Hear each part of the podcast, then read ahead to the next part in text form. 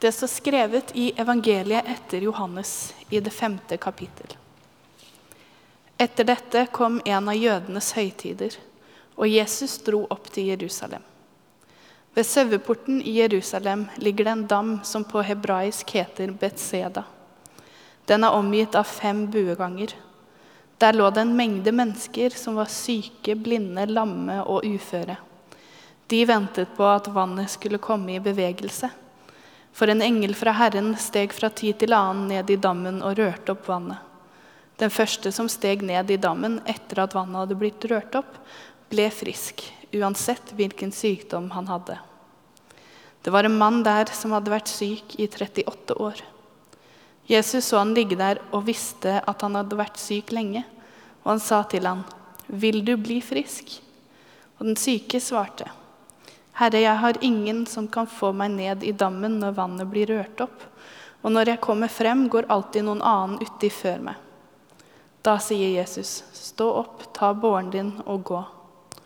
Og straks ble mannen frisk og tok båren sin og gikk. Men det var sabbat denne dagen, og jødene sa til han som var blitt helbredet, 'Det er sabbat, du har ikke lov til å bære båren.' Han svarte, 'Han som gjorde meg frisk, sa, ta båren din og gå.' Hvem er dette mennesket som sa at du skulle ta den og gå? spurte de. Han som var blitt frisk, visste ikke hvem det var, for Jesus hadde trukket seg unna, og det var mye folk der. Senere fant Jesus mannen på tempelplassen og sa til han, Nå er du blitt frisk, synd ikke mer, for at det ikke noe verre skal hende deg. Mannen gikk da og fortalte jødene at det var Jesus som hadde gjort han frisk. Slik lyder det hellige evangelium. Jeg lurer på om du kan komme opp med det vannglasset til meg, en av dere. Takk. Det blir så mye preking. Jeg må drikke litt.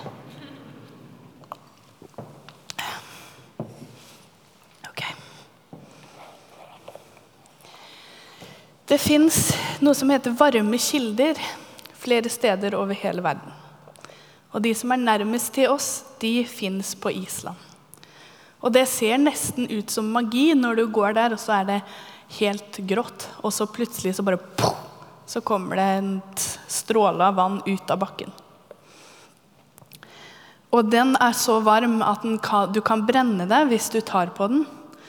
Men eh, noen av de kommer ikke opp med så stor fart, og da kan de hjelpe til med å helbrede muskler eller løsne ledd.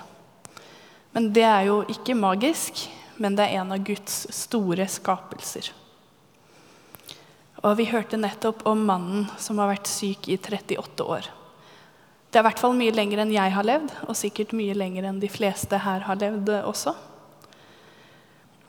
Og han hadde aldri fått lov til å komme ut i det varme vannet og prøve å bli bedre. Men når Jesus kommer til ham, så er det ikke magi eller varme kilder Jesus spør om, men han spør hva mannen trenger. For han helbreder ikke den mannen med en gang, men spør om han har lyst til å bli helbreda. Fordi han trenger seg ikke på. For Jesus, han er menneske og Gud.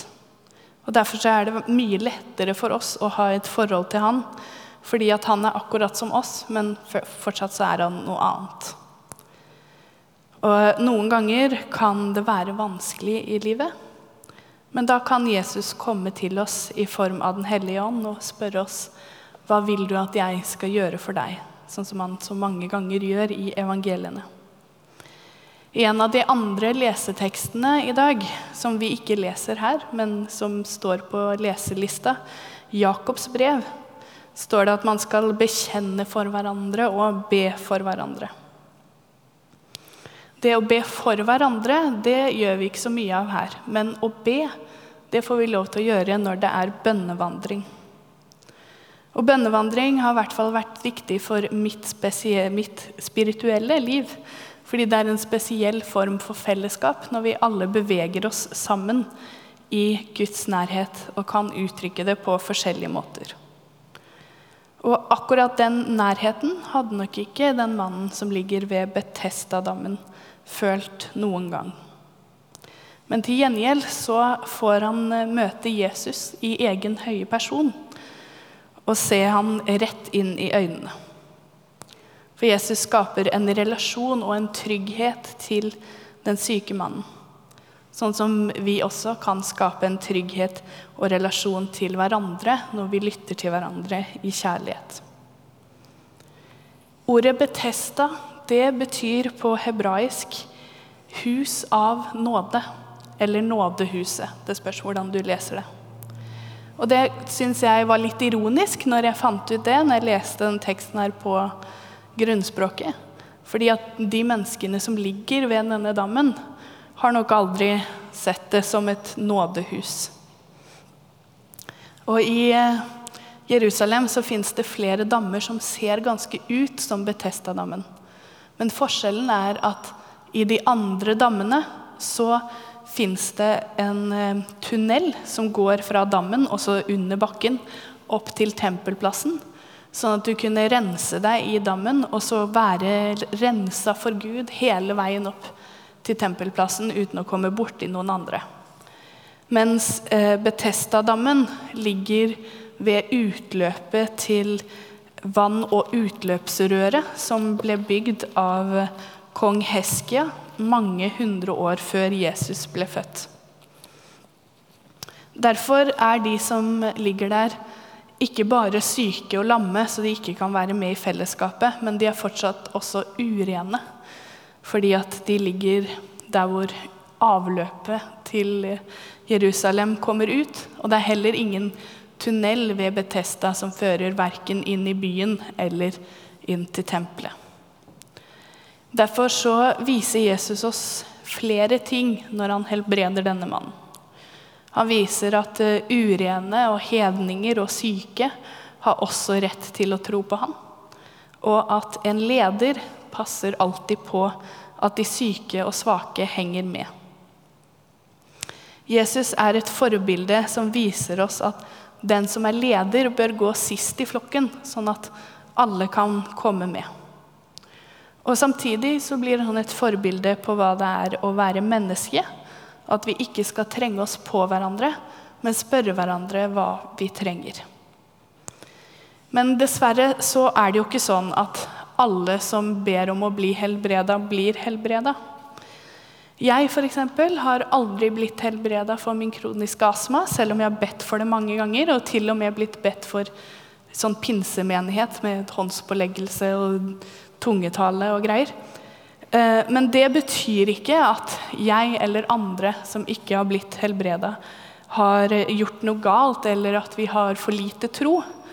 Men kanskje, uten at vi vet hvorfor, så trenger vi å bli helbreda fra andre ting enn akkurat de fysiske tinga vi sliter med. En god venninne av meg hun er helt blind, og hun sa en gang når noen spurte om de kunne be for at hun skulle få synet tilbake, så sa hun en gang at nei, det kan du ikke, men du kan heller be om at jeg skal komme ut av den depresjonen jeg er i nå, for det trenger jeg mye bedre. Og det har blitt et bilde for meg på at noen ganger så vet vi ikke helt selv hva vi trenger, eller hva andre trenger. Jesus og kanskje noen av disiplene, siden det er noen som har skrevet det ned, så noen må ha vært sammen, gjør den helbredelsen vi hørte om, av to viktige grunner. Den ene er fordi Jesus skulle bevise sin makt som herre over sabbaten ved å helbrede en mann som har vært syk i lang, lang tid. Og den andre er for å markere at sabbaten er ikke noen hindring for Jesus. Videre i Jakobs brev, som vi ikke har lest, så står det at vi skal hjelpe hverandre i alle livets faser.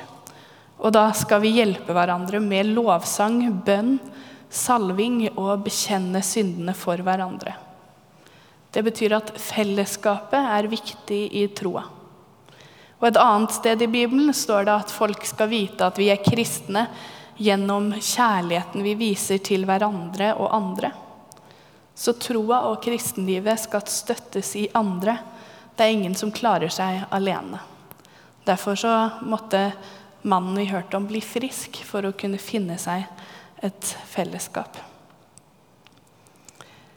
Og mens jeg skrev denne talen, så kom jeg på, så, så kom jeg på at det var holocaust-dagen denne helga som gikk. Så så jeg på en dokumentar om holocaust som heter 'Trikken til Auschwitz'. Den bør alle se på, ja, hvis du orker det. Um, og da tenkte jeg på at i Per Gynt, som er eh, Norges nasjonalepos, skrevet av Henrik Ibsen, hvis ikke du visste det, så skriver Henrik Ibsen inn troll som bor inne i Jotunheimen.